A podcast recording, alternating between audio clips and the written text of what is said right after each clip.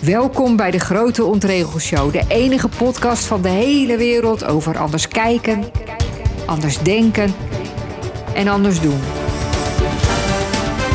Ik ben Jeannette van Dijk en ik neem je heel graag mee op de Grote Ontregelreis. Want dan komen we waar we nog niet waren, maar waar we wel willen zijn.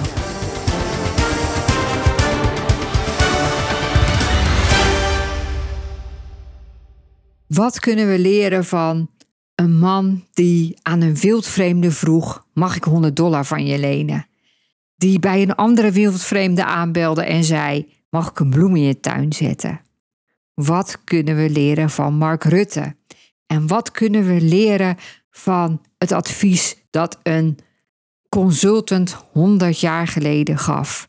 Wat kunnen we leren van Deepak Chopra en zijn zeven spirituele wetten van succes?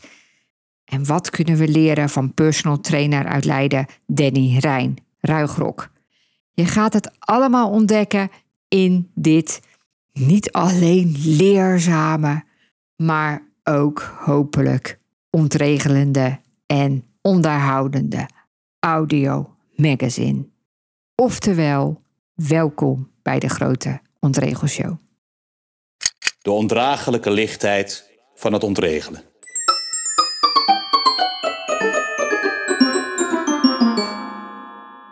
De juf had veertig cadeautjes meegenomen, voor elk kind één. Ze zei tegen de klas: We gaan vandaag oefenen met het geven van complimenten. Omste beurt mogen jullie een cadeautje pakken en die dan aan iemand geven in de klas en zeg er dan een compliment bij. Vertel wat je zo leuk of zo goed aan diegene vindt. Nou, dat gingen ze doen. En een tijdje later waren er nog twintig kinderen over. Twintig kinderen hadden nog geen cadeautje ontvangen. Nog even later waren er nog tien. Weer even later zaten er nog vijf kinderen met lege handen. En toen waren er nog drie over. Ja, Jiang, die zat te huilen. En de juf raakte in paniek. En die zei tegen de drie zwaar teleurgestelde kinderen die geen cadeautje en geen compliment hadden gekregen. Jullie moeten gewoon volgend jaar, dit komende jaar, heel goed je best gaan doen. Dan krijg je volgend jaar vast wel een cadeautje en een compliment. Jia Jiang had een grote droom. Hij wilde Microsoft overkopen ooit van zijn grote held Bill Gates. En dat wilde hij doen op zijn, voor zijn 25ste. Maar hij werd 25 en had Microsoft nog niet overgekocht. Hij was ook nog niet ondernemer geworden. Hij werkte bij een ander bedrijf als marketing iemand. En toen realiseerde hij zich dat tussen hem en zijn grote dromen dat kleine jongetje van zes in de weg stond. Dat kleine jongetje van zes dat nog steeds bang was voor afwijzing.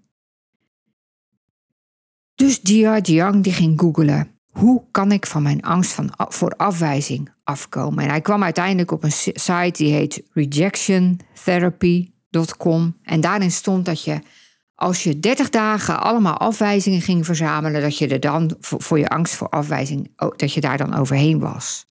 Dat ga ik doen, dacht Jia Jiang. Maar ik ga het niet 30 dagen doen, ik ga het 100 dagen doen. En ik ga mezelf filmen. En ik ga erover bloggen en ik ga erover vloggen. De eerste opdracht van zijn lijstje was om aan een wildvreemde te vragen of die hem 100 dollar wilde lenen. Jia Jiang die stapte op een man ergens af en die vroeg aan die man: Mag ik 100 dollar van u lenen? En die man zei: Nee, waarom? En voordat hij maar ook maar iets nog had gezegd, was Jia Jiang al lang weggerend. Later keek hij zijn filmpje terug en toen dacht hij: waarom heb ik dat gedaan? Die man zag helemaal niet bedreigend uit. Ik had natuurlijk ook gewoon zijn vraag van waarom kunnen beantwoorden. Dus dat werd zijn volgende doel. De volgende dag ging hij naar een hamburgerketen en daar ging hij, toen hij nou bestelde een hamburger, at hij op en ging toen terug naar de balie en vroeg aan een jongen achter de balie, kan ik een hamburger refill krijgen? Zoals je in ketens ook wel een tweede kopje koffie gratis kan krijgen. Nee, eh, zei de jongen, uh, wat is dat? Een hamburger refill. Jia Jiang liep niet weg, maar legde het uit. Nou, zei de jongen, ik zal het eens met mijn manager bespreken. Op de derde dag ging hij naar een donutketen en daar ging hij aan vragen of hij donuts kon krijgen in de vorm van het symbool van de Olympische Spelen, met die ringen, weet je wel. Nou, de, de, de, de medewerkster van de donut ging een beetje tekenen en zo. En 15 minuten later liep hij weg met een doos met donuts in zijn handen in de vorm en de kleur van de Olympische Spelen. Olympische ringen. En die vlog daarover werd 5 miljoen keer bekeken op YouTube. En zo leerde hij steeds meer lessen. Hij heeft daar ook een TED-talk over gemaakt. Die kan je ook op YouTube vinden. 100 dagen van rejection. Zoiets, of wat ik leerde van 100 Days of Rejection. Een van de dingen dus was vragen naar het waarom. Niet weglopen, maar gewoon met iemand in gesprek gaan. Uitleggen wat je bedoelt. Een andere heel belangrijke les was voor hem dat als je de twijfel of iets anders van de ander benoemt, dat je dan eerder kans hebt op een ja. Dat ontdekte hij bijvoorbeeld toen hij bij Starbucks ging vragen of hij Starbucks-begroeter kon worden. Zoals je in grotere winkels ook wel hebt. Dan staat er iemand bij de deur en die zegt hallo als je binnenkomt. En als je weggaat, kijkt hij stiekem of je misschien wel niet iets hebt meegenomen. Dus hij naar de filiaalmanager en hij vroeg: kan ik Starbucks-begroeter worden? En toen zei hij erbij: dat is wel een gek idee, hè? Hij benoemde de de gedachte eigenlijk van de ander die hij kon voelen. En dat, dat opende een deur. Dus de twijfel of de andere gedachte van de ander benoemen maakt dat je eerder een ja krijgt. Een van de mooiste dingen die hij meemaakte was, hij, hij had namelijk ook op zijn lijstje stond ook om een keer les te geven. Zijn oma of zo, die had altijd gezegd van, ja, je moet leerkracht worden. Nou, dat wilde hij dan niet, maar hij voelde wel dat hij dat ook wel kon.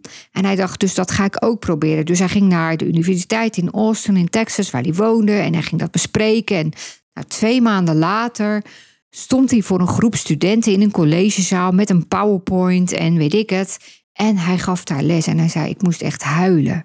Ik moest huilen omdat ik zoveel had geleerd. Hij was niet alleen de angst voor afwijzing was hij kwijtgeraakt, maar hij had ook gemerkt hoe je door vragen te stellen dicht bij je droom kan komen of je droom kan laten uitkomen. En zijn groot, want daar stond hij voor die klas zonder opleiding of wat. En zijn grote les is Loop niet weg voor de afwijzing, maar omarm het. Omarm de nee. En dat is dus de ontregeltip die ik vandaag ook voor jou heb. Omarm de nee. En ook als je ondernemer bent, kun je ook heel veel lessen leren uit ehm, de, de, de ervaringen van Jia Jiang. Vraag naar het waarom benoemde twijfel of de andere ja, uh, weerzin die je bij de ander hoort bij jouw idee. Ook in het gewone leven kun je natuurlijk proberen om de afwijzing te omarmen, om de nee te omarmen. En er niet voor weg te lopen, niet wegrennen, zegt Jia Jiang. En het is logisch, hè, die angst voor afwijzing, dat we die die, die, die, hebben we gewoon allemaal. Die zit heel erg onder allerlei angsten ook verborgen. Als je soms denkt dat je ergens bang voor bent, dan kan het heel goed zijn dat onder die angst weer een angst voor afwijzing zit.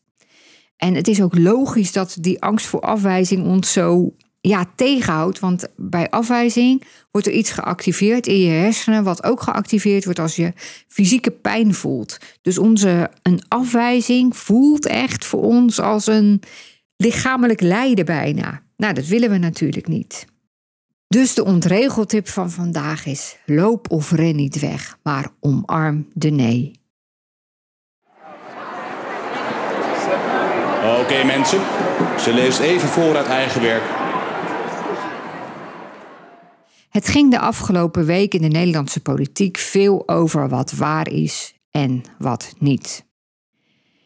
Ik heb gelogen en ik heb het naar beste eer en geweten gedaan, zei minister-president Rutte in de Tweede Kamer een paar dagen na het befaamde verkennersdebat over de positie omzicht functie elders.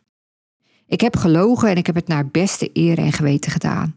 Je zou het een hoogtepuntje kunnen noemen, maar net zo goed een kilometers diep dieptepunt. Wat is waar? Een van de mooiste dingen die ooit over de waarheid is gezegd, is wat mij betreft de uitspraak van Eckhart Tolle. Je moet niet alles geloven wat je denkt. Wat is waar, wordt dan, is het waar? Met dank ook aan Byron Katie, de bedenker van de vier vragen die je leven veranderen. Vraag 1. Is het waar? Vraag 2. Nou, vraag 1a. En zo ja, kan ik 100% zeker weten dat het waar is? Vraag 3. Wat levert deze gedachte me op? Vraag 4. Wie zou ik zijn zonder deze gedachte? En de bonusvraag: kan ik het omkeren? Met is het waar heb je al een van de krachtigste coachingsvragen die je kunt stellen. Aan jezelf en aan de ander. En niet alleen als je Mark Rutte als klant hebt. Lieve Mona, Lisa.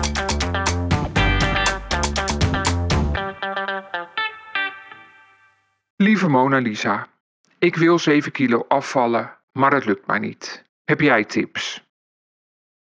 Nou, je zou zomaar kunnen denken dat ik deze vraag zelf heb bedacht, maar dat is niet zo. Ook al weet ik alles van alle diëten. En dat ze bij mij ook niet helpen. Nou, maar lieve Mona Lisa is niet alleen heel lief, maar ook slim. Dus wat deed ze? Ze stapte af op Danny Rijn Ruigrok. En dat is de leukste en beste personal trainer van Leiden en omstreken. Danny, wat moet je doen als je 7 kilo wil afvallen? En het lukt maar niet. Nou, zei Danny, er is niet één oplossing die voor iedereen werkt. Maar de simpele basis is: als je aankomt, neem je meer calorieën dan dat je verbruikt. En dat weet je zelf ook wel. En je weet ook wel dat het beter gaat als je meer gaat bewegen of minder gaat eten en het liefst allebei doet. Maar zei ze, wat je nou precies moet doen, dat ligt aan de persoon. Dat is voor iedereen weer anders en het ligt ook aan de levensfase waarin je ziet. Maar uiteindelijk komt het wel neer op meer bewegen, minder eten. En ze zei ook dat ze ook helemaal niet gelooft in diëten. Maar wel dat het voor iedereen anders is en dat je zelf ook kan ontdekken wat bij jou goed werkt en wat niet. Want iedereen reageert weer anders op bepaalde voedingssoorten. En ze zei, nou, daar moet je op letten en dan moet je ook echt aandacht voor besteden. Dus haar tip hiervoor is, als je hebt gegeten, zet dan je wekker daarna op 30 minuten. En kijk dan hoe je je na die 30 minuten voelt. Voel je energiek? Voel je opgeblazen? Voel je lusteloos? Wat voor effect had deze voeding op jou? Want de een reageert nu eenmaal beter op koolhydraten en de ander weer op eiwitten of vetten. Zij vertelde zelf dat als ze ochtends begint met yoghurt, dat ze dan na een uur of zo al enorme trek heeft in iets. Terwijl als ze drie boterhammen neemt, dat ze daar de hele uh, ochtend wel op draait. Dus ja, dat is dus voor iedereen verschillend.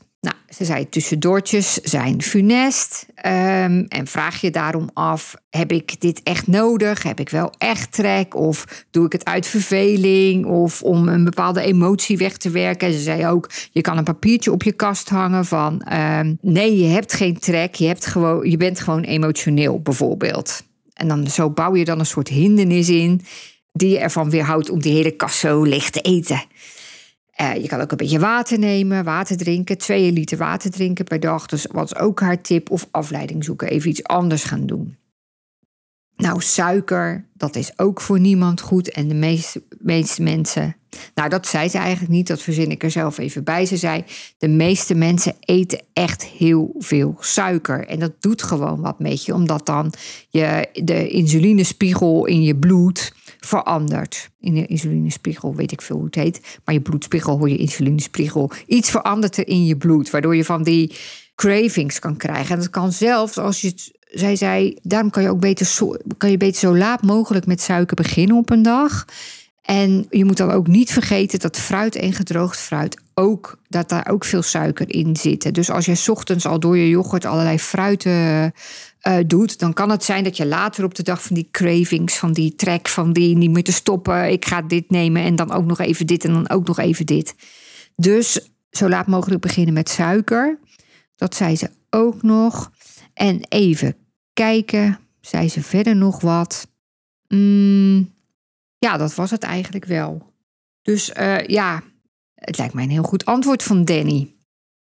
En heel toevallig, toen ik deze uh, podcast aan het voorbereiden was, toen kwam ik terecht bij een filmpje van Hanno Puil.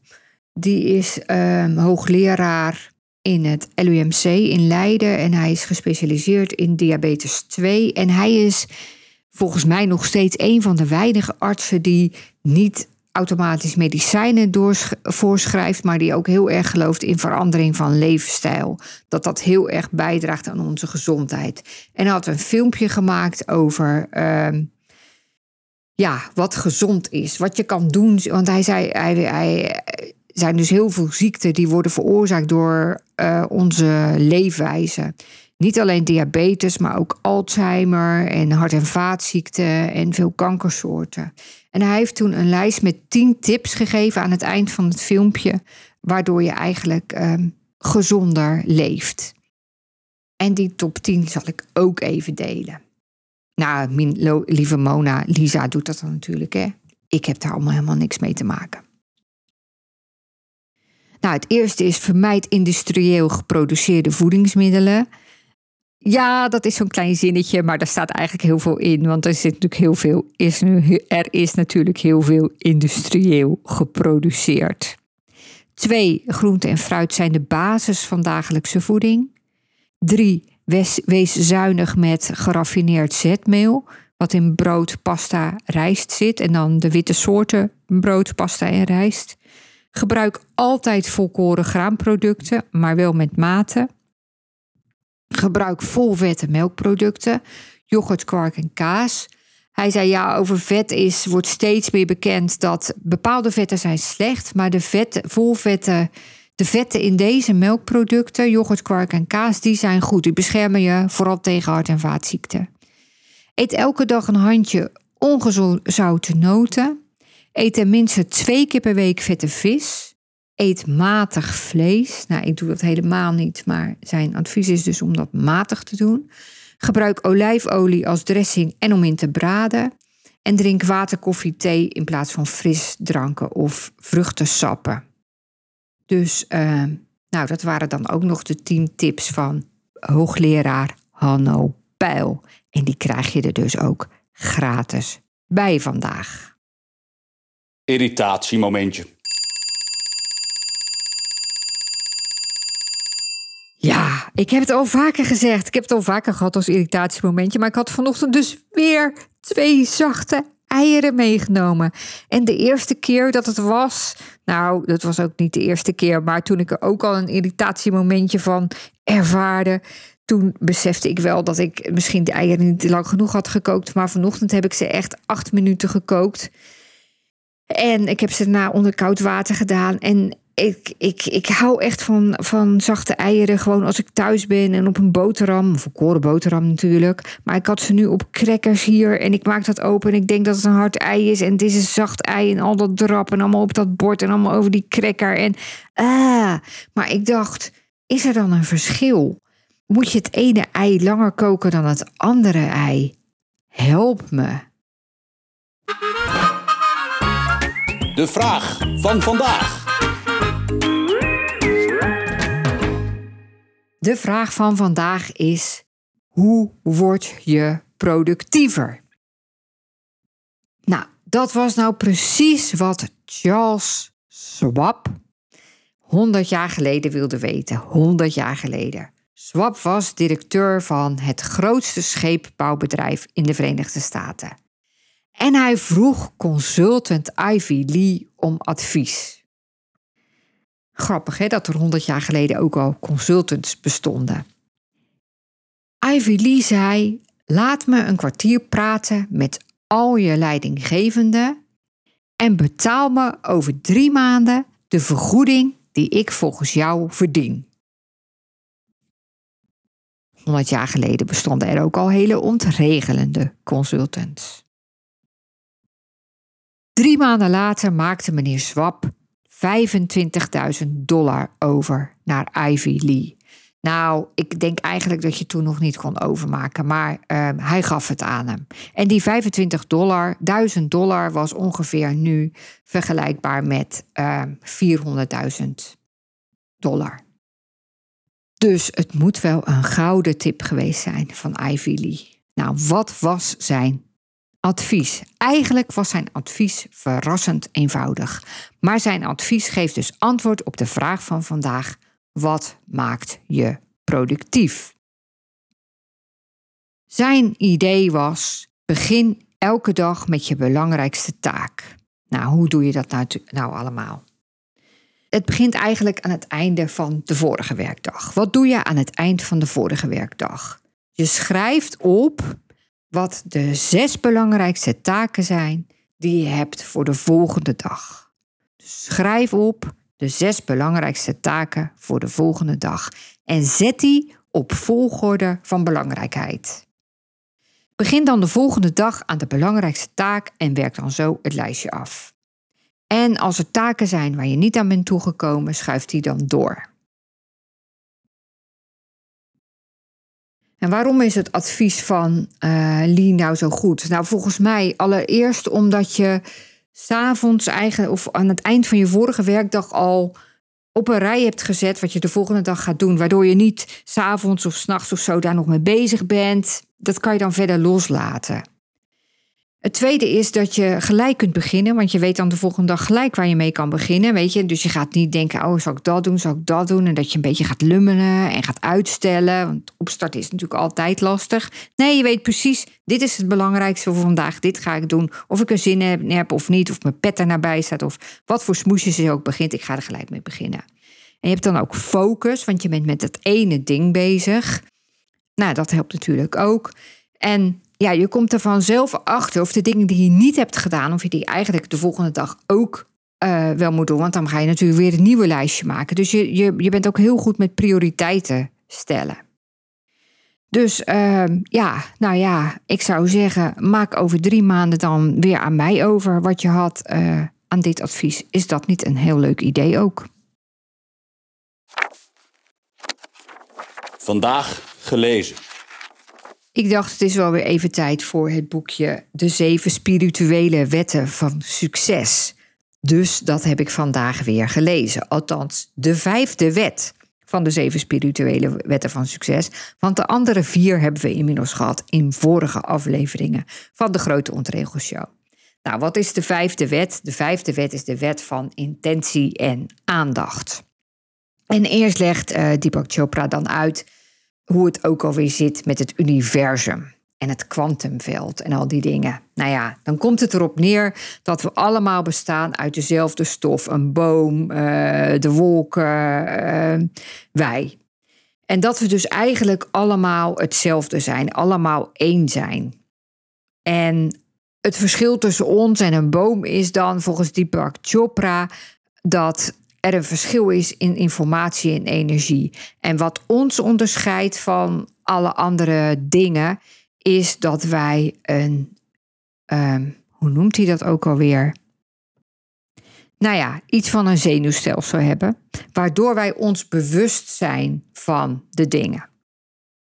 En dat betekent ook dat we het kwantumveld om ons heen kunnen veranderen een bewuste verandering kunnen veroorzaken in dat veld om ons heen.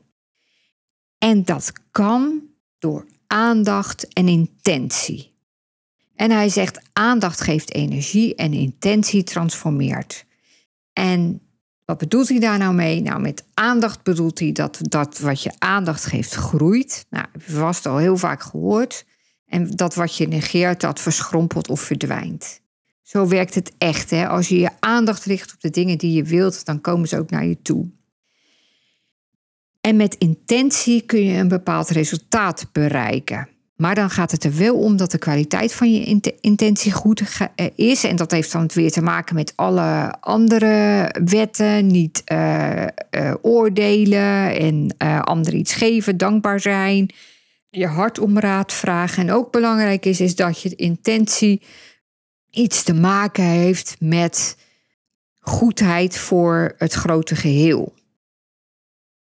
En Deepak Chopra zegt, ja, door die aandacht en intentie, dat heeft allemaal zoveel kracht dat je daarmee alles kan creëren en krijgen wat je maar wil. En dat kan je ook bereiken door heel hard te werken. Maar als je dat doet, als je heel veel moeite voor dingen doet, dan kost dat ook, heeft dat ook een prijs. En dat is dat je er stress van krijgt en ziek van kan worden. En dat je immuunsysteem door hard werken en heel erg ja, achter iets aan hollen eigenlijk, dat dat ook een risico is voor je, dat dat je immuunsysteem verzwakt. Maar hij zegt, leer de kracht van de intentie te benutten en je kunt alles creëren wat je maar wilt. Nou, hoe doe je dat nou? Wat zijn de stappen voor die wet van intentie en aandacht? En ik ben er eigenlijk best wel slecht, uh, slecht. Ja, het is misschien ook wel slecht, maar ik ben er best wel snel doorheen gegaan.